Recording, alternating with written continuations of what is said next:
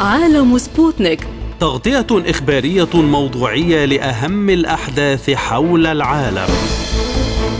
يلقي الضوء على أهم الأخبار السياسية. والاقتصادية. والرياضية. وجولة مع الأخبار الخفيفة من سبوتنيك بريك في عالم سبوتنيك.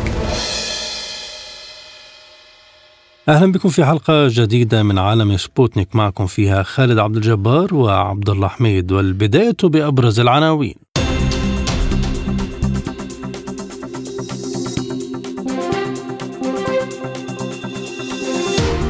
ضغوط أمريكية متصاعدة على تركيا لتنفيذ العقوبات ضد روسيا. حركة فتح تعلن مواجهة شاملة والتصعيد ضد إسرائيل بعد اقتحامات جنين فشل عقد اجتماع لمجلس القضاء وتوتر إثر مواجهة بين قاضي تحقيق مرفأ بيروت والنائب العام. البرهان يعلن اتفاق السودان مع إثيوبيا بشأن جميع قضايا مشروع سد النهضة الذي تراه مصر بمثابة تهديد وجودي. واقتصاديا الجنيه المصري والليرة التركية مرشحان لمزيد من التأرجح خلال العام الحالي. إلى التفاصيل. تضغط الولايات المتحدة على تركيا لمنع شركات طيران روسية من إرسال رحلات جوية بطائرات أمريكية الصنع من البلاد وإليها ذلك بحسب وسائل إعلام أمريكية. ونقلت المصادر الإعلامية عن مسؤولين لم تذكر أسماءهم قولهم إن مسؤولين أمريكيين بارزين حذروا الشهر الماضي من أن الأتراك معرضون لخطر السجن والغرامات وفقدان امتيازات التصدير وتدابير أخرى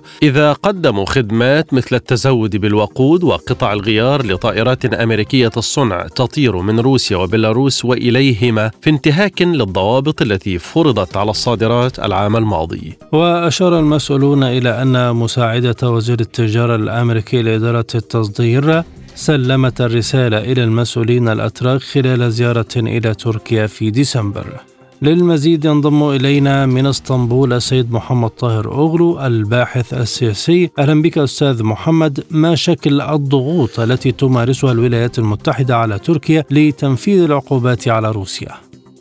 الولايات المتحدة والدول الغربية بشكل عام آه، منذ يعني بداية الصراع الذي يدور الآن في أوكرانيا كانت تأمل بموقف أكثر جرأة آه، بين هلالين من أنقرة فيما يتعلق بالتماشي مع العقوبات التي فرضتها الدول الغربية وعلى رأسها أمريكا على موسكو منذ آه، بداية الهجوم على أوكرانيا. لكن بالطبع رأينا أن تركيا يعني آه، تبنت موقف آه، إلى حد كبير آه، متوازن، كانت تركيا مصرة ولا تزال على فكرة أن يعني أن يتجه طرفي الصراع. موسكو وكييف نحو مفاوضات جادة. تنتهي هذه المفاوضات بحل للمسألة يعني بحل سياسي للمسألة وانتهاء هذا هذه الحرب، يعني طبيعة الضغوط وطبيعه الضغوطات التي تمارس ليست ليست كما نقول يعني ملموسة على على شكل علنية. لكن بالطبع الموقف الغربي واضح في في هذا الإطار. يعني هو يطلب من أنقرة المزيد من رأينا في بداية الحرب مثلا كيف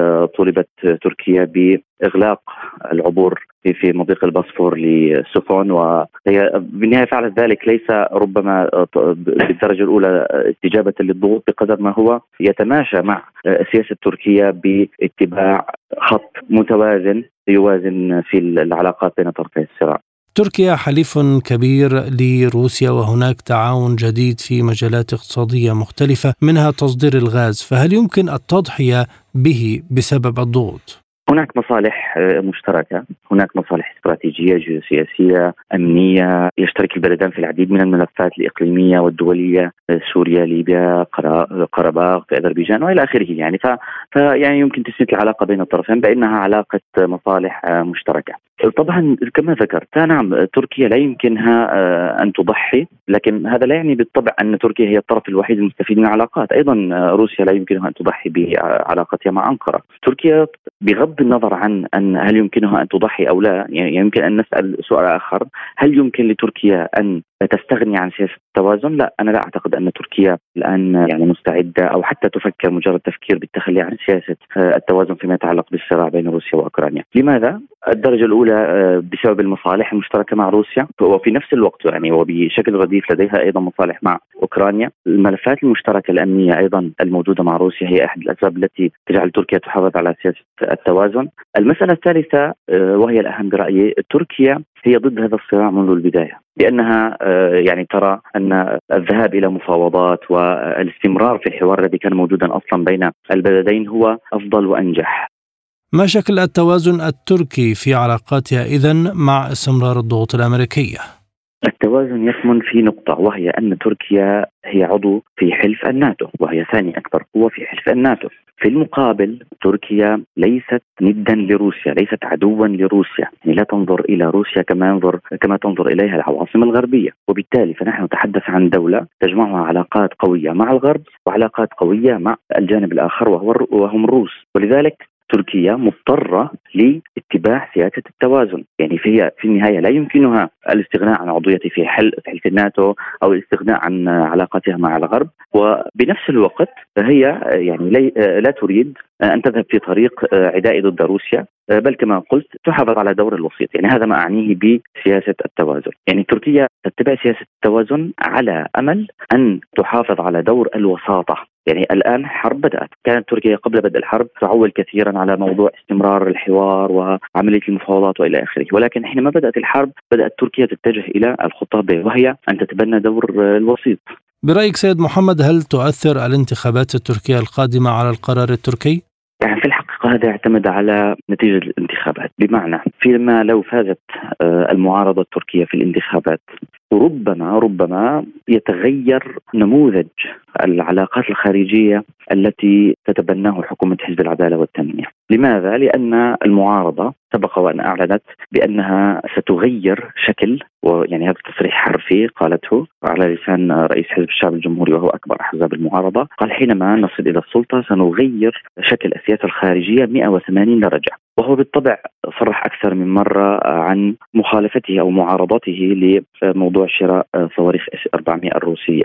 وحتى يعني منهجية حزب الشعب الجمهوري الذي هو أكبر أحزاب المعارضة هي منهجية قريبة إلى الغرب أكثر من أن تكون قريبة لموسكو، يعني ومنذ تأسيس الجمهورية التركية كان هذا الحزب هو الذي يقود تركيا، ورأينا في خمسينات القرن الماضي كيف سار نحو الانضمام إلى حلف الناتو وتبنى معسكرا واضحا، لكن حينما جاء حزب العداله والتنميه طبعا رأينا هناك اختلاف في آه، مسار العلاقات الخارجية، فتركيا بدأت تهتم بإفريقيا في الدول العربية بالعلاقات مع الدول الإقليمية بشكل أكبر مع المحافظة على العلاقات الغربية ولكنها يعني لم تصر على البقاء في معسكر الغرب كما كانت تركيا في السابق. ولذلك يعني حينما تأتي أو لو فازت بالأحرى يعني المعارضة التركيه فنعم أنا أتوقع بصراحة أن يحدث آه، نوع من التغير عن آه، الوضع الحالي الموجود للسياسه الخارجية بمعنى ما أقصده بالوضع الحالي علاقات قوية واستراتيجية كبيرة مع روسيا، اشتراك في مسائل أمنية وإلى آخره. نعم يعني ربما يحدث هناك بعض التغيير وربما تكون الضغوط الغربية الممارسة الآن على تركيا كما ذكرت حضرتك من أجل يعني تبني موقف أكثر حدية تجاه روسيا، ربما تصبح هذه الضغوطات أكثر سهولة يعني مع المعارضة التركية. أعلنت حركة فتح الإضراب الشامل والتصعيد ضد الاحتلال الإسرائيلي في جميع نقاط التماس وذلك بسبب الأفعال والانتهاكات التي قامت بها قوات الاحتلال الإسرائيلي في مدينة جنين. ورفع الجيش الإسرائيلي حالة التأهب على حدود قطاع غزة بالتزامن مع اشتباكات مخيم جنين. وفي رام الله قامت الرئاسة الفلسطينية بالدعوة إلى تحرك دولي عاجل بعد الهجوم الإسرائيلي على المخيم. وخلال الاشتباكات التي حدثت في جنين تم الإعلان عن إصابة عدد كبير من الأطفال بمستشفى جنين بالاختناق بعد إطلاق الجيش الإسرائيلي قنابل غاز وحصارها. كما أعلنت وزارة الصحة الفلسطينية عن ارتفاع عدد الشهداء الفلسطينيين في اقتحام جنين إلى تسعة بينهم سيدة مسنة وست عشرة إصابة بينها أربعة بحالة خطيرة. للمزيد ينضم إلينا محافظ جنين اللواء أكرم الرجوب. أهلا بك سيادة اللواء. كيف تتابعون ما جرى في جنين خلال شن القوات الإسرائيلية؟ عملية عملية عسكرية نتج عنها ارتقاء تسعة مواطنين. يعني اولا هذا الذي حصل في جنين اليوم جريمة. هو إرهاب دولي تمارس دولة الاحتلال بحق أبناء الشعب الفلسطيني في مخيم جنين ومدينة جنين. وهذا الذي حصل أسفر عن تسعة شهداء وفوق 16 شهيد. وأيضا تدمير بيوت وجرافات عاتت تخريبا وتدميرا للسيارات في الشوارع وقناصون اعتلوا البنايات المرتفعة حول آه، المخيم وفي نفس الوقت كان هناك الكثير من الدماء التي سفكت في مخيم جنين وهذا مؤشر واضح على أن سياسة الحكومة اليمينية الفاشية التي تمارسها على جنين وعلى الشعب الفلسطيني مستمرة في ظل غياب دولي ونفاق دولي والكيل بمكيالين على ما يحصل على أرض فلسطين وهذا بحاجة إلى وقفة جادة من قبل العالم الذي يدعي بأنه عالم حر ويسعى من أجل آه، حرية البشر وحقوق الإنسان وتقرير المصير للشعب الفلسطيني الذي غاب عن عقول هذا العالم وغاب عن نظرهم وبدأوا يكيلوا بمكيالين في كل ما له علاقة بحياة الشعب الفلسطيني وكل ما له علاقة بهذه الدولة دولة الاحتلال المارقة على القانون الدولي والتي تعتبر نفسها فوق القانون الدولي آه، وتمارس كل أشكال العنف بحق الشعب الفلسطيني وعلى أرضه. كيف تعلقون اذا على المزاعم التي يسوقها الجيش الإسرائيلي لاقتحام المخيم؟ مزاعم باطلة وهي عبارة عن مبرر لما تريد أن أن ترتكب من مجازر بحق أبناء الشعب الفلسطيني، أبناء المخيم يقتلون أمام بيوتهم، نساء المخيم صباح هذا اليوم سقطت شهيدة تتجاوز من العمر 55 عاما بلا سبب وهناك أطفال قتلوا وهناك من كانوا يعبرون الشارع قتلوا، كل الادعاءات التي تسوقها إسرائيل وتسوقها وسائل الإعلام الإسرائيلية ورجال الأمن الإسرائيليين ما هي إلا تبرير للاستمرار في القتل وتدمير البيوت وتقديم الأولويات لزيادة الاستيطان وتوسيع المستوطنات كل ذلك على حساب الدم الفلسطيني وعلى حساب القضية الفلسطينية وعلى حساب الشعب الفلسطيني. ما أسباب تكرار إسرائيل لاقتحام جنين ومخيمها خلال الأشهر الماضية بوتيرة متسارعة؟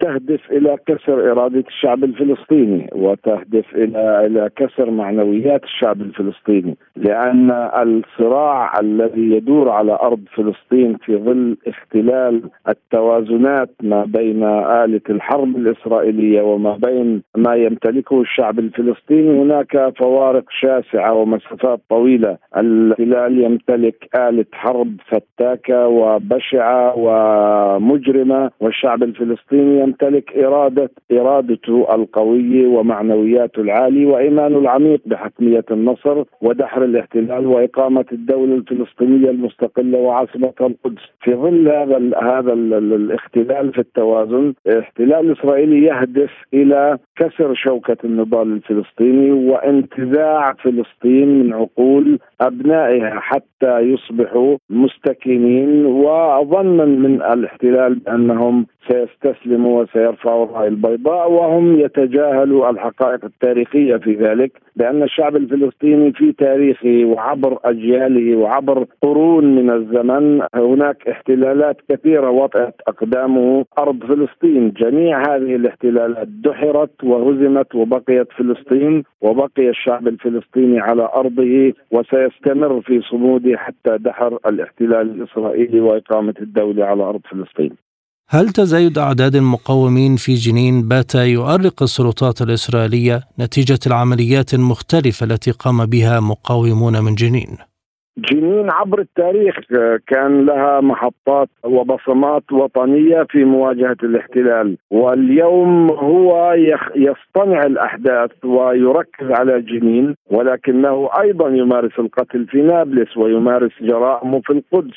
قد يكون هناك في جنين نوع من التصدر للأحداث والتركيز من قبل الاحداث من قبل الاحتلال على جنين. ليس لأهداف تخص ادعاءاته ومبرراته بقدر باختصار ما هي رسالة لكل الشعب الفلسطيني أن القمع الإسرائيلي سيستمر إرادة الشعب الفلسطيني وإرادة الجنينيين وإرادة الله عز وجل هي من جعل جنين في مواجهة الاحتلال وتتصدر المشهد الوطني في المواجهة هل هناك رابط بين هذه العملية وبداية عمل حكومة نتنياهو الجديدة؟ حكومات الاحتلال المتعاقبة لم تدخر جهدا إلا وبذلته من أجل كسر شوكة النضال في الشعب الفلسطيني. ولكن المختلف في هذه الحكومة أن هذه الحكومة قبل تشكيلها والأحزاب التي شكلت من خلالها بدعاياتها الانتخابية كان لديها موقفا واضحا تجاه الشعب الفلسطيني وتجاه المنطقة التي آه، تسيطر عليها قوات الاحتلال الإسرائيلية وهو تعزيز الاستيطان وتوسيع الاستيطان على حساب الشعب الفلسطيني وتضييق الخناق على السلطة الفلسطينية. وبن كفير كان واضحا في اولويات سياساته التي وافقه نتنياهو عليها أنه يريد إنهاء هذه السلطة وإضعافها. لا بل إنهائها. هو يريد إنهاء السلطة الفلسطينية وهو فعلا بدأت هذه الحكومة بتنفيذ أجنداتها. المختلف أنهم أعلنوا عن أهدافهم وبدأوا بتنفيذها بعكس حكومات سابقة كانت تحاول أن تقدم نفسها بشكل مختلف أمام العالم ولكن على الأرض نفس السياسة ونفس الإجرام. فشل مجلس القضاء الأعلى بلبنان في عقد اجتماعه بسبب عدم اكتمال النصاب. وكان وزير العدل في حكومة تصريف الأعمال هنري الخوري أحال القرارات التي أصدرها المحقق العدلي في قضية انفجار مرفأ بيروت القاضي طارق البيطار إلى مجلس القضاء الأعلى للاطلاع عليها والتأكد مما وصفه بحسن سير العدالة. يأتي ذلك إثر مواجهة قضائية تواصل فيها السجال بين النائب العام اللبناني غسان عويدات والقاضي البيطار إثر قرار الأول إحالة الثاني إلى هيئة التفتيش القضائي وهو ما رفضه قاضي التحقيق البيطار. وشهدت العاصمة بيروت مظاهرات وتدافعا بين قوات الأمن اللبناني ومحتجين يمثلون أهالي ضحايا انفجار مرفأ بيروت حاولوا اقتحام مبنى قصر العدل دعما لقاضي التحقيق وتزامنا مع اجتماع لمجلس القضاء الأعلى لبحث التطورات القضائية المتعلقة بقضية الانفجار. من بيروت ينضم إلينا سركيس أبو زيد الكاتب والمحلل السياسي اللبناني أستاذ سركيس لماذا عاد التصعيد بشكل سريع إذا في هذا الملف؟ هذا الملف يعني يعني أعيد إثارته بسبب تراكم المشاكل وازدياد التفكك في الدولة اللبنانية. نلاحظ هذا الشيء موجود على المستوى السياسي وعلى المستوى الاقتصادي. والآن طال الوضع القضائي لأن هناك تنافس بين آه، جميع الأطراف في لبنان. كل فريق يحاول أن يجمع قواه أو أن يفرض رأيه مما زاد من الانقسامات والبلبلة. هذه المرة يعني وصل الأمر إلى آه، القضاء احدى يعني المؤسسات التي ما زالت تحافظ على وحدتها وعلى تماسكها وعلى قوتها ولكن الآن مطلوب أن يكون هذا التفكك يطال القضاء وأنا أخشى أن المرحلة القادمة تطال الأجهزة الأمنية والجيش اللبناني وغيره مما يزيد من التفكك ويفتح لبنان أمام احتمالات وصراعات آه، تؤدي ربما إلى التقسيم أو إلى الفيدرالية أو إلى آه، انهيار الكيان ككل. هل كان من المتوقع أن يعود قاضي التحقيق مرفأ بيروت إلى استئناف القضية؟ لما ما كان متوقع كان بإمكانه أن يقوم بهذه الأمور آه، آه، يعني قبل هذا الوقت. هذا المفاجئ يعني أنا برأيي الآن يعني آه، يعني الخطأ يعني مرتكب من من من جميع القضاة. يعني الكل نوع من يعني لا منطق أو لا شرعية أو لا دستورية لكل هذه التصرفات. نلاحظ بأن هذه التصرفات لا تنم عن عن حكمة ولا عن التزام بالقوانين ولا عن جدية بالتصرف. هناك نوع من الارتجال آه، أدى إلى هذه الانقسامات. لكن ما هو التفسير القانوني لما يحدث بشكل مبسط؟ يعني حتى يكون السادة المستمعون معنا في الصورة؟ لا لا, لا يوجد تفسير. يعني المشكلة بأن القوانين اللبنانية والدستور اللبناني أصبحت معرضة إلى يعني أصلا مصاغة بطريقة ملتبسة مما يفسح المجال أمام عدة اجتهادات وعدة مبررات لذلك الآن لا يوجد قوانين فعلية لا يوجد ممكن اللجوء إليها أو الاحتكام إليها لأن كل مادة في القانون أو في القوانين يوجد تفسيرات واجتهادات متبينة مما يجعل الاحتكام لها غير ممكن بسبب هذا هذا التعارض. لكل فريق رؤية أو تفسير لهذه القوانين على مزاجه وعلى حسب مصالحه وطريقته. من هنا نلاحظ بأن هذه التناقضات موجودة إن كان تفسير صلاحيات الحكومة اللبنانية أو تفسير صلاحيات القضاء أو دور القاضي أو دور الوزير آه، مما يجعل آه، يعني لأن بالأساس القانون اللبناني أو الدستور اللبناني قائم على فكرة التوافق ولكن عندما آه، يعني لا يكون هناك توافق أو لا يكون هناك نوايا حسنة من الأطراف المتنازعة هذا سيؤدي إلى اجتهادات متناقضة وإلى خلافات طيب وما هي المرجعية التي يمكن أن تحسم القضية هل هي مجلس القضاء الأعلى؟ أصلا لا يوجد مرجعية والدليل على ذلك بانه بأن هذه المرجعية لم تجتمع لأنها غير قادرة على اتخاذ قرار تستطيع لملمة الوضع أو احتواء الأزمة. نفس الأمر مطروح بالنسبة للحكومة اللبنانية، هناك تباينات وخلافات حول الصلاحيات والميثاقية ودورها وفعاليتها ولكن لا يوجد مرجعية تستطيع أن تحكم، يعني هذا الالتباس الموجود بالدستور وبالقوانين هو الذي أدى إلى هذا الوضع، وهذا يدل بأن هذا النظام لم يعد صالح للحياة. أستاذ سركيس هل صحيح ما قاله المحتجون من أن السلطة الحاكمة هي التي تعرقل التحقيق؟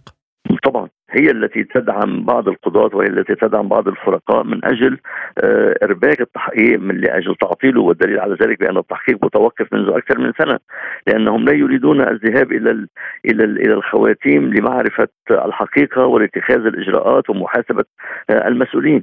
لذلك هذه آه، جزء من المسرحية جزء من التنافسات الموجودة على الساحة اللبنانية بتعطيل كل الأمور للوصول إلى حالة لا غالب ولا مغلوب حتى لا يكون هناك محاسبة لأحد لا من القضاة ولا من السياسيين لكن لما لا يسير التحقيق في مسار قضائي مستقل بلا تسييس؟ لا هو وطبعا التسييس يعني بلبنان يعني يستعملون كلمة تسييس بمعنى الانحياز إلى فريق ضد فريق بمعنى الانتقائية بمعنى كذا. يعني لا يوجد آه، قضاء بالمعنى المطلق ليس له علاقة بالسياسة لأنه بالنتيجة هناك أبعاد سياسية وهناك قوى سياسية تتدخل وتقول رأيها وتعطل وتؤثر وتفرض نفسها. يعني بهذا المعنى التسييس بمعنى الانحياز إلى فريق معين وهذا طبعا بلبنان غير ممكن. يعني شيء طبيعي أن كل جميع القضاة طالما أنهم آه، يعني القوى السياسية هي التي تعينهم وهي التي ترقيهم وهي التي تؤثر عليهم. بالطبيعة هي التي تؤثر عليهم للدفاع عن مصالحها. أتوقف معك عند تحذير نجيب ميقاتي الأخير. لما لم يؤثر ولم يستجب له أحد؟ لأنه أصبح طرف. يعني عندما طرف معين أو فريق معين آه، يطرح مسألة الفريق الآخر يعني يطرح العكس لا يوجد توافق على الأمور الأساسية. لذلك كلما تطرح قضية يحصل خلاف آه، بالاجتهادات وبالتطبيق وبمثال العمل بسبب آه، حدة الخلافات الموجودة الآن بين الأطراف السياسية المتنازعة. وما هو السيناريو المتوقع بشأن التصعيد أو التهدئة؟ أنا برأيي إذا استمرت الأمور على هذا المنوال أنا أخشى أن يحصل آه، اضطرابات أمنية أو أحداث أمنية متنقلة في البداية وممكن أن تتوسع إذا لم يتم عملية احتوائها من بتسوية أقليمية أو دولية تستطيع أن تفرض على جميع القوى آه، احتواء الأزمة، حتى الآن آه، يعني لا يوجد يعني الأزمة ممكن أن تنفجر بالمعنى الاقتصادي لأن الوضع المالي والاقتصادي خطير جدا، بالإضافة بأن الوضع الأمني بدأ يتفلت في الشارع وهذا يعني كلها مؤشرات للدخول بأحداث أمنية متنقلة ممكن أن تفجر الوضع. أكد رئيس مجلس السيادة الانتقالي في السودان الفريق أول عبد الفتاح البرهان في ختام اجتماع في الخرطوم مع رئيس الوزراء الإثيوبي أبي أحمد أن البلدين متوافقان ومتفقان حول كافة قضايا سد النهضة المشروع الكهرومائي الضخم الذي بنته أديس أبابا على نهر النيل ويثير توترات مع كل من الخرطوم والقاهرة. ومنذ العام 2011 تتفاوض مصر والسودان وإثيوبيا للوصول إلى اتفاق حول ملء سد النهضة وتشغيله إلا أن جولات طويلة من التفاوض بين الدول الثلاث لم تثمر حتى الآن عن اتفاق وتؤكد مصر إن السد سوف يؤدي إلى أضرار شديدة على حصتها من مياه النيل. من القاهرة تنضم إلينا أسماء الحسيني مدير تحرير الأهرام المتخصصة في الشأن الإفريقي. أستاذ أسماء التصريح الذي خرج من الخرطوم أمس عن اتفاق وتوافق السودان وإثيوبيا حول كافة قضايا سد النهضة، كيف يمكن أن نفهم هذا التصريح المقتضب؟ آه، يعني آه، هذا التصريح آه، لم يكن الأول من نوعه. في هناك تصريح آخر في أكتوبر الماضي حينما زار الفريق أول عبد الفتاح البرهان رئيس مجلس السيادة السوداني أثيوبيا للمشاركه في منتدى تانا في مدينة بحر دار الإثيوبية وكانت له هناك تصريحات آه، مشابهة آه، بما يشي بتقارب آه، أثيوبي على حساب موقفه المشترك مع القاهرة قبل ذلك الذي سعى من أجل إلزام إثيوبيا باتفاق قانوني ملزم. لكن رأينا قبل أيام حينما آه، زار آه، وزير الري المصري الخرطوم واستقبله الفريق أول البرهان. كان هناك أيضا تأكيد من جانبه على ضرورة الالتزام باتفاقية 1959 بين الخرطوم والقاهرة وهي الاتفاقية التي تم بموجبها بناء السد العالي وتم بموجبها العمل المشترك بين مصر والسودان. أعتقد أعتقد انه هناك تناقض ما في التصريحات الصادرة من آه، الخرطوم، هناك وضع سياسي يعني الآن آه، مضطرب في وجه يعني العمل من أجل تسوية قادمة آه، التصريحات أعتقد أنها متضاربة في هذا الشأن. لكن لماذا هذا التغير في الموقف السوداني تجاه القضية؟ نعم إيه، السودان الآن إيه، يعني مجمدة عضويته في إيه، الاتحاد الأفريقي. هو يرغب في الخروج من هذا الحصار المفروض عليه دوليا وأيضا المفروض عليه الآن في يعني دائرته الأفريقية ويرغب في أن تكون القمة المقبلة في أديس أبابا تتجه لرفع هذا التجميد. ويرغب أيضا في علاقات يعني جيدة مع جيرانه لا تكلفه لأنه في الصراع اللي على مدى العامين الماضيين على الحدود بين السودان وإثيوبيا هو أمر مكلف لكل من السودان وإثيوبيا. الموقف بالنسبة لسد النهضة ظل على الدوام في السودان يعني في تغير وانقسام أيضا. هناك من يرى أنه السد مفيد وهناك من يرى أنه مضر. يعني في فترات عملت الخرطوم جنبا إلى جنب مع القاهرة وسعوا إلى تصعيد هذا الأمر في المجتمع آه، الدولي والوقوف ضده وفي فترات أخرى كانت آه، السودان آه، أقرب إلى إثيوبيا أدت إلى الموقف المعقد الحالي. في ضوء ما حدث بالأمس في الخرطوم، هل استبعد السودان وإثيوبيا مصر من اتفاق حول القضايا السد؟ إيه، يعني أعتقد إنه الأمر ما زال يعني بموقفه إيه، المعقد المتشابك. أثيوبيا تمضي قدما إيه، في بناء السد. والآن هي على أعتاب الملء الرابع تضرب بعرض الحائط كل الاعتراضات المصرية ومعها الاعتراضات السودانية السابقة لأنه هذه المواقف هي مسجلة في مجلس الأمن والمطالب كانت مشتركة بين مصر والسودان وقتها. آه، لكن أعتقد إنه الموقف آه، سيظل معقد وسيظل يؤدي إلى تأزم وإلى آه، يعني استقطابات في المنطقة وإلى الاضرار بمصالح الشعوب التي يجب أن تكون مصالحها موحدة في ظل مناخ أفضل من المناخ الحالي الذي يولده الانقسام بين الأطراف الثلاث. ماذا عن المرجعية الحاكمة المتمثلة في وثيقة إعلان المبادئ التي وقعت عليها الأطراف الثلاثة؟ نعم إثيوبيا تعتمد نهج أحادي نهج فرض الأمر الواقع وللأسف المنظومة الدولية هي مشغولة بصراعات أخرى أكبر في أوكرانيا وصراع صراع عالمي كبير القارة الأفريقية إحدى ساحاته الآن الملتهبة الولايات المتحدة الأمريكية وحلفائها الغربيين من ناحية والصين وروسيا. لا يدركون بعد أن مصالحهم ستتضرر في ظل وجود هذا الصراع المكتوم في بشأن سد النهضة.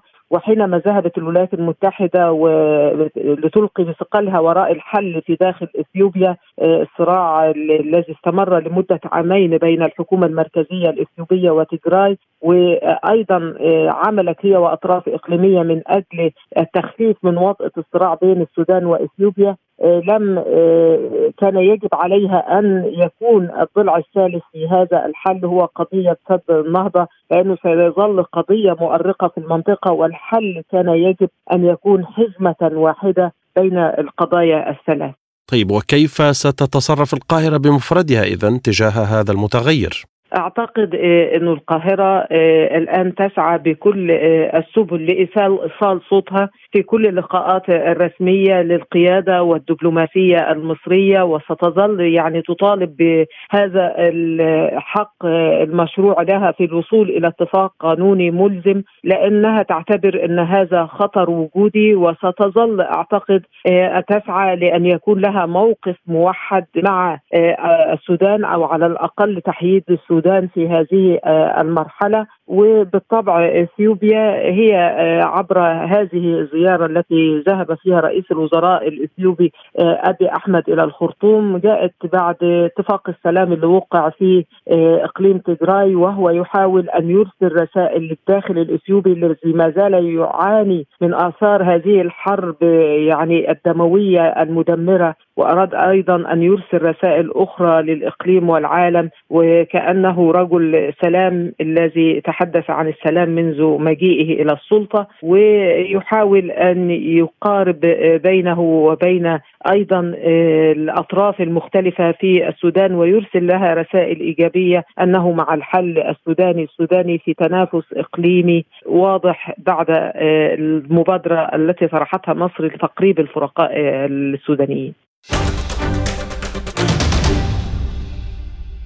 شغل الجنيه المصري الشعب والحكومة المصرية على مدار العام الماضي وهو ما تكرر بالنسبة لليرة التركية وتراجعها أمام الدولار بشكل حاد. الجنيه المصري كان من أسوأ عملات العالم أداء العام الماضي. انخفض سعر العملة المصرية على ثلاث مراحل خلال الأشهر العشرة الأخيرة أولها في مارس من 15 جنيها وسبعة قروش إلى 18 جنيها وقرشين مقابل الدولار وثانيها في في أكتوبر إذ وصل إلى 23 جنيها للدولار وثالثها مطلع يناير الحالي التي هبط معها الجنيه إلى مستوى قياسي تجاوز 32 جنيها لكل دولار قبل أن يستقر عند حدود 29 جنيها. ومنذ سبتمبر من عام 2021 انخفض سعر صرف العملة التركية من 8 ليرات فاصل ثلاثة من عشرة مقابل الدولار إلى 18.7 من عشرة حاليا. وتعد العملة الأسوأ أداء في الأسواق الناشئة باستثناء البيزو الأرجنتيني بعد انخفاضها 28.5% مقابل الدولار منذ مطلع العام الماضي. وتحدت السلطات التركية الأعراف الاقتصادية بتجنبها. رفع أسعار الفائدة لمجابهة التضخم والاعتماد على أدوات بديلة بما في ذلك التدخل بسعر صرف الليرة والسياسات النقدية التي تعزز الاستخدام الأوسع للليرة. حول هذا الموضوع ينضم إلينا من القاهرة الدكتور شريف الخريبي الخبير الاقتصادي. أهلا بك دكتور. ما حقيقة هذه التوقعات بالنسبة للجنيه المصري والليرة التركية؟ الليرة التركية آه، تركيا مدخلة نفسها في كم هائل من المشاكل سواء ما هو مرتبط بروس بسوريا ما هو مرتبط بالأكراد آه، سواء ما هو مرتبط بالخلافات مع اليونان سواء من التدخل في آه، السافر في ليبيا ومحاولة استعداء مصر وبعدين لما حاولت ترجع مصر اللي رافضة إن هي تمد إيدها لتركيا إلا لما تعود لرشدها. وبالتالي تركيا الآن في موقف لا تحسد عليه بالنسبة للجيوسياسية وبينطبق عليه بقى ما يطلق عليه بقى التأثير الاقتصادي أو النتائج الاقتصادية لعدم الاستقرار الإقليمي السياسي من حوالين تركيا. ناهيك إن أكثر من نص الشعب التركي الآن يقف ضد سياسة أردوغان بالكامل وبيحاولوا تغييره. الأحزاب بتتحد هو آه، بيحاول يعمل انتخابات مبكرة علشان ينقذ نفسه عايز يغير الدستور المفروض ملوش دورة ثالثه فالحقيقة الوضع في تركيا متأزم بشكل كبير جدا وده أثر للانخفاضات الكبيرة في الليره التركية والانهيارات الكبيرة في الاقتصاد التركي وزيادة المديونية على تركيا الخارجية. أما بالنسبة للجنيه المصري لو آه، حضرتك لو لو تتذكر مصر قامت ببرنامج الاصلاح الاقتصادي منذ عام 2015 آه، ووصلنا لحالة من النمو والاستقرار الكامل ب 2019 مصر أقامت بنية أساسية هي الأكبر والأكمل في منطقة الشرق الأوسط وكل القارة الإفريقية. موقع مصر الفريد وتوسطها للعالم الحالي القديم والحديث فبالتالي آه، المشاكل اللي واجهت مصر مختلفة آه، عن المشاكل اللي واجهت تركيا، مشاكل واجهت مصر هي نتيجة لجائحة كورونا وده واجه العالم كله ثم بعد كده التداعيات آه، السياسية والاقتصادية عن الموقف الغربي اللي جه يعاقب روسيا فبيعاقب العالم كله بيها. بالرغم إن موقف روسيا كل العقلاء في جانب روسيا بالكامل روسيا من حقها أن تحمي نفسها روسيا عندها كل الحق فيما تقوم به مع أوكرانيا وكل شوية تتكشف الحقيقة. فاللي أنا عايز أقوله إن مصر الوضع مختلف. أيضا بالنسبة لمصر إن شاء الله متوقع مع منتصف هذا العام 2023 في ثلاث حاجات إيجابية بتحصل وبشدة. الحاجة الأولانية الزيادة الكبيرة جدا في عدد السائحين وبالتالي في في الدخل القومي من آه، قطاع السياحة في مصر. العنصر الثاني وهو الآبار الحديثة اللي تم اكتشافها للغاز وجزء منها هيدخل الخدمة في هذا العام والعنصر الثالث هو الدعاية الكبيرة اللي خدتها مصر من اتفاقها مع صندوق النقد الدولي كأحد الاقتصاديات المهمة والناشئة اللي خلتها قبلة للاستثمار ويمكن ده اللي خلى روسيا تقوم باعتماد الجنيه المصري كوسيلة للدفع وسداد العلاقات التجارية ما بينها وبين آه، مصر. أعتقد أن مصر تسير في الاتجاه الصحيح. مصر ليس لها أعداء لا في منطقتها ولا على مستوى العالم كله. السياسة المصرية متوازنة. مصر في الصراع الروسي أو مش صراع في العملية العسكرية الخاصة الروسية بالنسبة لأوكرانيا اللي زي ما أنا قلت لها كل الحق فيها. موقفها متوازن وبشكل كامل. وبالتالي بإذن الله أتوقع إن مصر هتخرج من آه، أي مشاكل اقتصادية موجودة في آه، بكثير نهاية هذا العام أما بالنسبة لتركيا فالمستقبل غامض من جميع الوجوه. إذا على ماذا تراهن القاهرة حتى تشهد العملة المحلية نهوضا خلال العام الجاري فيما يخص تعافي الجنيه؟ زي ما قلت لسيادتك إحنا النهارده عندنا موسم سياحي أكثر من ناجح إحنا عدد السياح المصري اللي جم لمصر من نهاية العام الماضي حتى الآن آه، تخطينا ال 4 مليون سائح وده رقم كبير جدا غير مسبوق منذ عام 2019 وبالتالي ومتوقع للزيادة والاستمرار آه، في النمو خلال هذا العام. الحاجة الثانية زي ما قلت لحضرتك في بيرين كبار للغاز واحد منهم هيدخل الخدمة آه، هذا العام في النصف الأول من 2023 والعنصر الثالث ما قامت به روسيا لأن إحنا الميزان التجاري بيننا وبين روسيا طبعا لصالح آه، روسيا فكون إن هي تعتمد الجنيه المصري كوسيلة للتعامل زيها زي العملات الأخرى.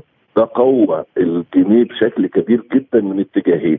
الاتجاه الأول إن عند الوفاء بالتزاماتنا ناحية الدولة الروسية الصديقة آه، ما إحناش في حاجة لتدبير عملة أجنبية زي الدولار أو غيره لسداد هذه الالتزامات والحاجة الثانية بيقلل الطلب على العملات الأجنبية بشكل عام وده اللي بيؤدي بالتأكيد لزيادة وقوة العملة المصرية.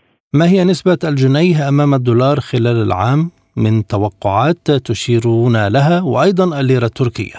لا أنا الليرة التركية أنا زي ما قلت لحضرتك تاني هي مرشحة لمزيد من الانخفاض واعتقد ان لو استمر الوضع على ما هو عليه كتير في منتصف هذا العام هتنخفض الليرة امام الدولار عن الوضع الحالي بما لا يقل من عن 30% أما بالنسبة للجنيه المصري فبعد الاستقرار النسبي بعد التعويم الأخير المرتبط بالاتفاق مع صندوق النقد الدولي بعد العناصر الإيجابية اللي ذكرتها لحضرتك أعتقد أن الجنيه المصري مرشح أن يزيد أمام العملات آه، الأجنبية الرئيسية. بما لا يقل عن 20% في خلال 2023 يعني ذلك أنه لا يوجد تشابه في الظروف الاقتصادية بين البلدين. طبعا. وده وده وده نتيجة أساسية لسياسة كل دولة. مصر لا تتدخل في الشؤون الداخلية لأي دولة. مصر لا تعادي أي دولة. مصر لا تتحرك ضد أي أقليات. مصر لا تقوم بتقسيم المجتمع من الداخل عكس الحكومة التركية اللي بتقوم بعمل كل هذا. تتدخل في الشؤون الداخلية لدول كثيرة وعلى أخص بنتكلم على سوريا والعراق وليبيا بتقوم بتقسيم المجتمع التركي نفسه وبتضطهد الأكراد بشكل كبير داخل الدولة التركية. عالم سبوتنيك يغطي جميع الأحداث السياسية والاقتصادية والرياضية حول العالم. برنامج يسلط الضوء على أهم القضايا الحرجة في العالم. في ملفات ساخنة نستعرض القضايا مع جميع الأطراف ومن كل الزوايا لاستجلاء الحقيقة. ملفات ساخنة يستضيف أهم الخبراء وأجرأ الضيوف. تابعوا ملفات ساخنة مع راديو سبوتنيك أيام السبت والثلاثاء والخميس من كل أسبوع. عالم سبوتنيك مستمر معكم وهذه جولة من الأخبار حول العالم.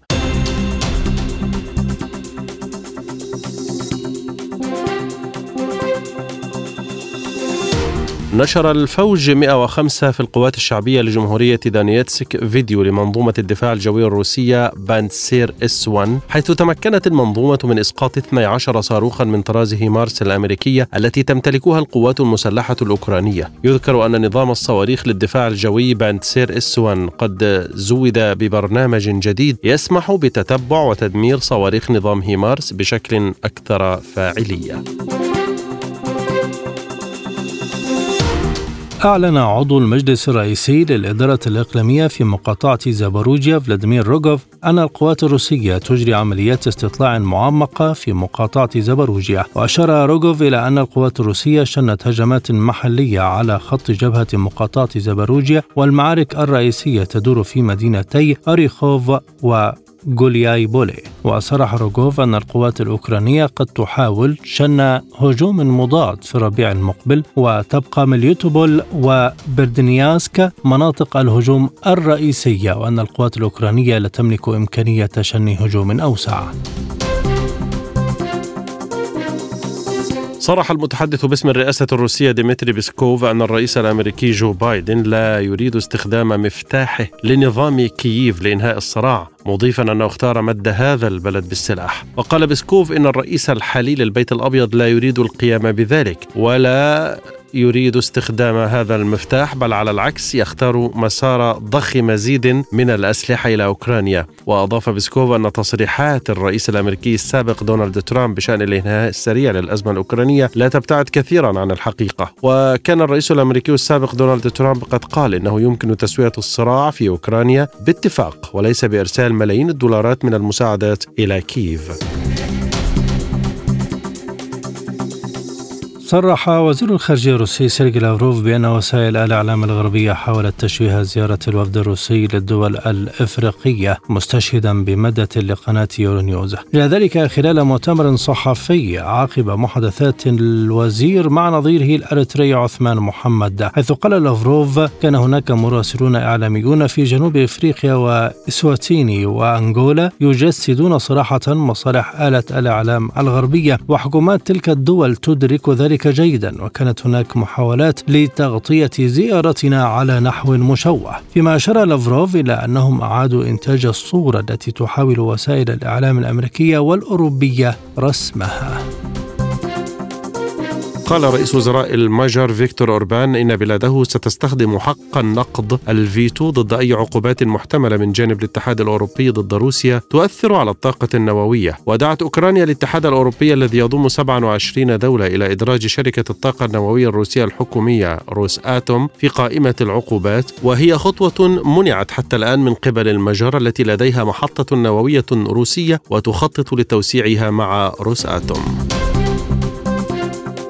اعتبرت حركة حماس أن القصف الإسرائيلي على قطاع غزة هو امتداد لجرائم الاحتلال ضد الشعب الفلسطيني في الضفة والقدس والداخل الفلسطيني المحتل. وقال الناطق باسم حركة حماس حازم قاسم في بيان أن المقاومة الباسلة في قطاع غزة تواصل القيام بواجبها بالدفاع عن الشعب والمقدسات وستبقى درع الشعب وسيفه. ونفذت طائرات حربية إسرائيلية فجر الجمعة سلسلة غارات على موقعين تابعين لكتاب القسام الجناح العسكري لحركة حماس في قطاع غزة ردا على إطلاق صاروخين باتجاه البلدات الإسرائيلية المحاذية للقطاع.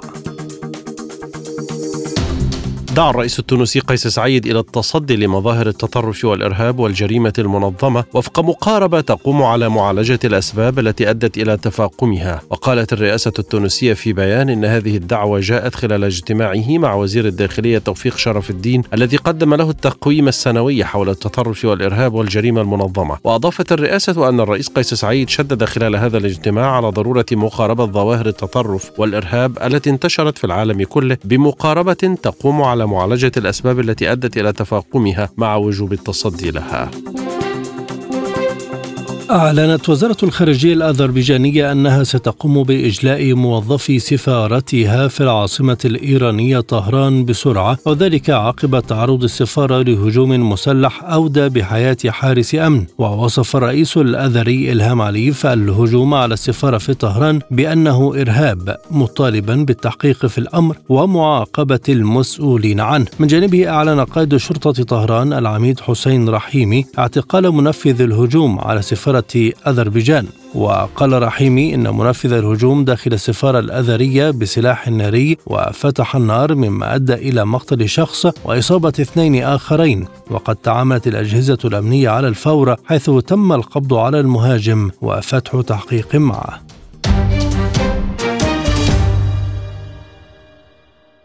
والآن لكم تذكرة بأهم عناوين هذه الحلقة. ضغط أمريكية متصاعدة على تركيا لتنفيذ العقوبات ضد روسيا. حركة فتح تعلن مواجهة شاملة والتصعيد ضد إسرائيل بعد اقتحامات جنين. فشل عقد اجتماع لمجلس القضاء وتوتر إثر مواجهات بين قاضي تحقيق مرفأ بيروت والنائب العام. البرهان يعلن اتفاق السودان مع إثيوبيا بشأن جميع قضايا مشروع سد النهضة الذي تراه مصر بمثابة تهديد وجودي. اقتصاديا الجنيه المصري والليرة التركية مرشحان لمزيد من التأرجح خلال العام الحالي. والآن مع هذه المجموعة من أخبار الاقتصاد في عالم سبوتنيك.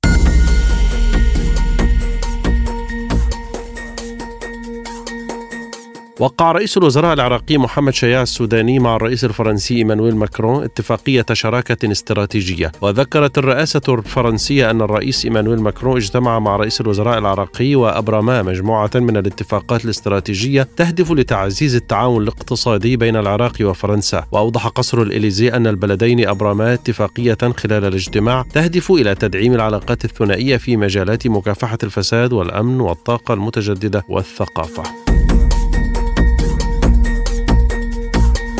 أثنى وزير النفط بحكومة الوحدة الوطنية الليبية محمد عون على دور روسيا في منظمة الدول المنتجة للنفط وشركائها أوبك بلس مؤكدا أنها عضو فاعل وتحملت العبء الكبير في التخفيض من الإنتاج سواء في 2016 أو في 2022 وقال عون أن روسيا بصفتها عضوا فاعلا في أوبك بلس ساعدت الأسواق على الاستقرار في المجتمع الدولي مستمرة في التعاون مع أوبك بلس وهي من تحملت العبء الكبير في التخفيض من الإنتاج.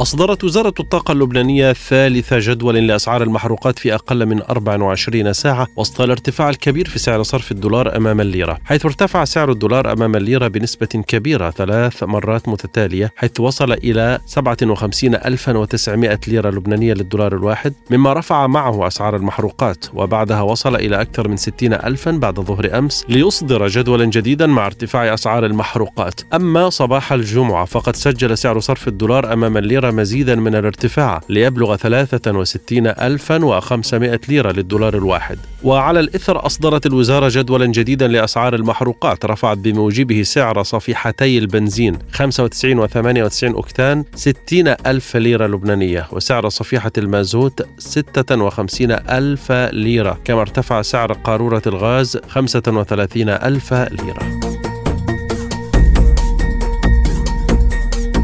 صعدت أسعار النفط ولقيت أسعار الذهب الأسود دعما من توقعات بارتفاع الطلب في الصين بعد استئناف الأنشطة الاقتصادية. وارتفعت العقود الآجلة للخام الأمريكي غرب تكساس الوسيط بنسبة فاصل 37% إلى 81 دولارا و31 سنتا للبرميل. فيما صعدت العقود الآجلة للخام العالمي مزيج برنت بنسبة فاصل 37 من 100% أيضا إلى 97 دولارا و79 40 سنتا للبرميل؟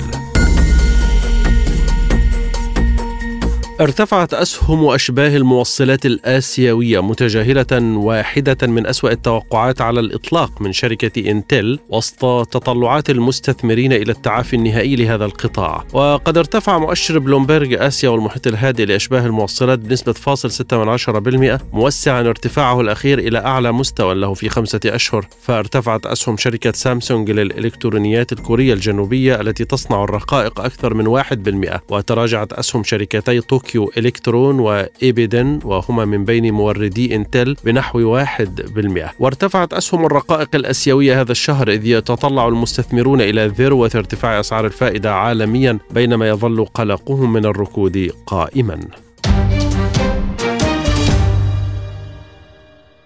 الآن إلى جولة من أخبار الرياضة.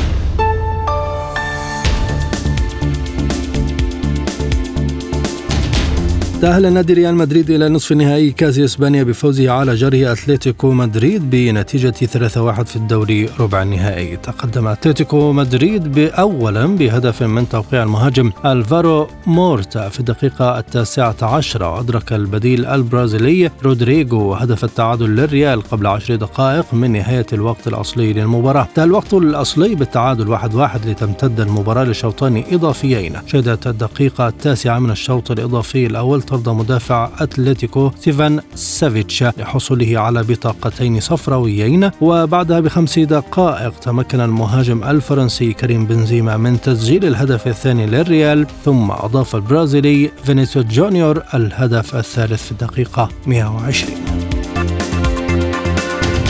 حقق اتحاد جدة فوزا مثيرا على نظيره النصر ضمن منافسات كأس السوبر السعودي بنتيجة 3-1 وشهدت المباراة مشاركة كريستيانو رونالدو في الظهور الثاني له مع فريقه الجديد النصر. وتقدم اتحاد جدة بهدف للبرازيلي رومارينهو في الدقيقة الخامسة عشرة من الشوط الأول قبل أن يعزز المهاجم المغربي عبد الرزاق حمد الله الفارق لاتحاد جدة قبل دقيقتين من انتهاء الوقت الأصلي للشوط الأول. ثم قلص البرازيلي أندرسون تاليسكا النتيجة عندما أحرز الهدف الأول للنصر في الدقيقة السابعة والستين من عمر المباراة إلا أن مهند الشنقيطي تمكن من حسم المباراة وأطلق رصاصة الرحمة على النصر بعدما سجل الهدف الثالث لاتحاد جدة في الدقيقة الأخيرة من عمر المباراة. وبهذه النتيجة تأهل الاتحاد إلى نهائي كأس السوبر السعودي ليواجه الفيحاء الذي تمكن من إقصاء الهلال بالفوز عليه بهدف نظيف.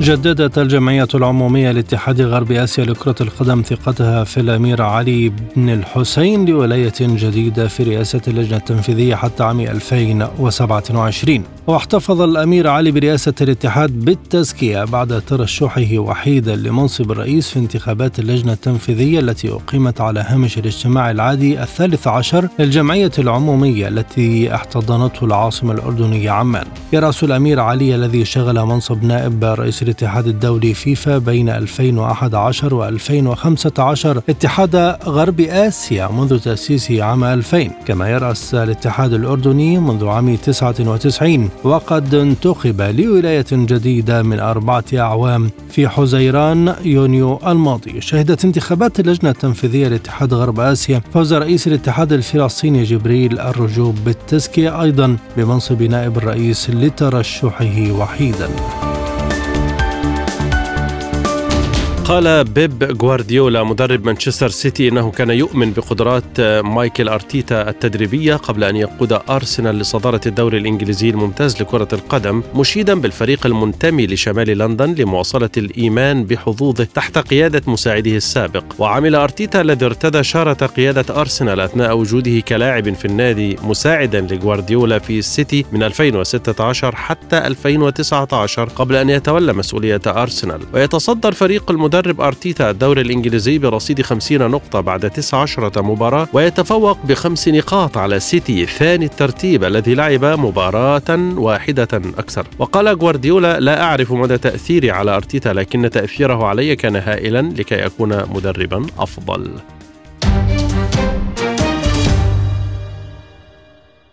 سبوتنيك بريك والأخبار الخفيفة.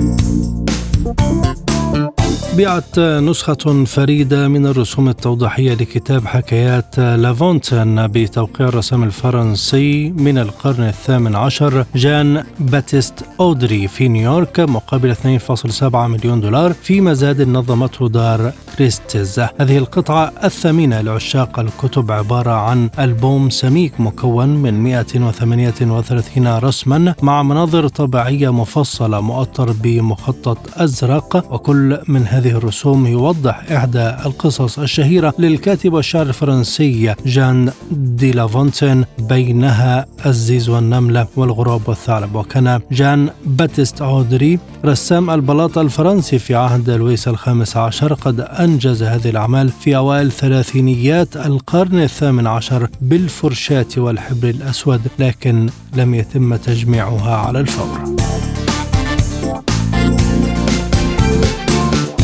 أعلنت وزارة العدل الأمريكية أنها تمكنت من إغلاق مجموعة هايف للقرصنة التي ابتزت أكثر من 1500 شركة في جميع أنحاء العالم وجمعت منها فديات بلغت قيمتها نحو 100 مليون دولار. وقال وزير العدل الأمريكي ميريك جارلاند إن السلطات الأمريكية بالتعاون مع ألمانيا وهولندا نجحت في السيطرة على خوادم موقع هايف بعد اختراقها لمدة سبعة أشهر تقريبا وأدى اختراق الموقع إلى تجنيب مئات الشركات دفع فديات مالية تصل إلى 100 130 مليون دولار بعد تجميد هايف لأنظمتها الإلكترونية وسرقة بياناتها. دعا كبير مسؤولي مكافحة المخدرات في الحكومة الألمانية إلى فرض قيود صارمة على الإعلان عن الكحول والتبغ والمراهنات الرياضية في البلاد. وقال إن حوالي 150 ألف شخص يموتون في ألمانيا كل عام نتيجة تعاطي الكحول والتبغ. ويقدر أن واحدا من كل ثمانية بالغين يعاني من مشكلة القمار. وقال إنه لا توجد دولة أوروبية أخرى تطبق سياسة عدم التدخل عندما يتعلق الأمر بالكحول والتبغ مثل ألمانيا. وأشار إلى أنه في الخطوة الأولى ينبغي حظر الترويج للمشروبات الكحولية عبر الإنترنت وفي وسائل التواصل الاجتماعي وفي التلفزيون والراديو. قضت محكمة تايلاندية بسجن رجل 18 عاما بتهمة إهانة الذات الملكية في منشورات على وسائل التواصل الاجتماعي وتعد عقوبة إهانة الملكية في تايلاند من بين الأقسى في العالم. كما أن جماعات حقوقية تعتبر أن هذه العقوبة تستخدم لقمع حرية التعبير. ورأت محكمة في مدينة شيانغراي الشمالية أن مونغول تيراكوتيا البالغ من العمر 29 عاما وهو ناشط على وسائل التواصل الاجتماعي ويعمل في تجارة الملابس مذنب في قضيتي تشهير منفصلتين بالملكية. وقال محامي المتهم إن عقوبة موكله كانت السجن 42 عاما لكن المحكمة خففتها بعد إدلائه بشهادته وأضاف أن منغول ينوي تقديم استئناف. وقد وافقت المحكمة على إطلاق سراحه بكفالة قدرها 300 ألف بات أي أكثر من 9000 دولار. في الختام إليكم تذكرة بأهم ما جاء في عالم سبوتنيك. ضغوط أمريكية متصاعدة على تركيا لتنفيذ العقوبات ضد روسيا. حركة فتح تعلن مواجهة شاملة والتصعيد ضد إسرائيل بعد اقتحامات جنين. فشل عقد اجتماع لمجلس القضاء وتوتر إثر مواجهة بين قاضي تحقيق مرفأ بيروت والنائب العام. البرهان يعلن اتفاق السودان مع إثيوبيا بشأن جميع قضايا مشروع سد النهضة الذي تراه مصر بمثابة تهديد وجودي. اقتصاديا الجنيه المصري والليرة التركية مرشحان لمزيد من التأرجح خلال العام الحالي. رياضيا ريال مدريد يتأهل إلى نصف نهائي كأس إسبانيا بفوزه على جاره أتلتيكو 3-1 في الدوري ربع النهائي. للمزيد زوروا موقعنا على الإنترنت سبوتنيك dot ae. إلى اللقاء.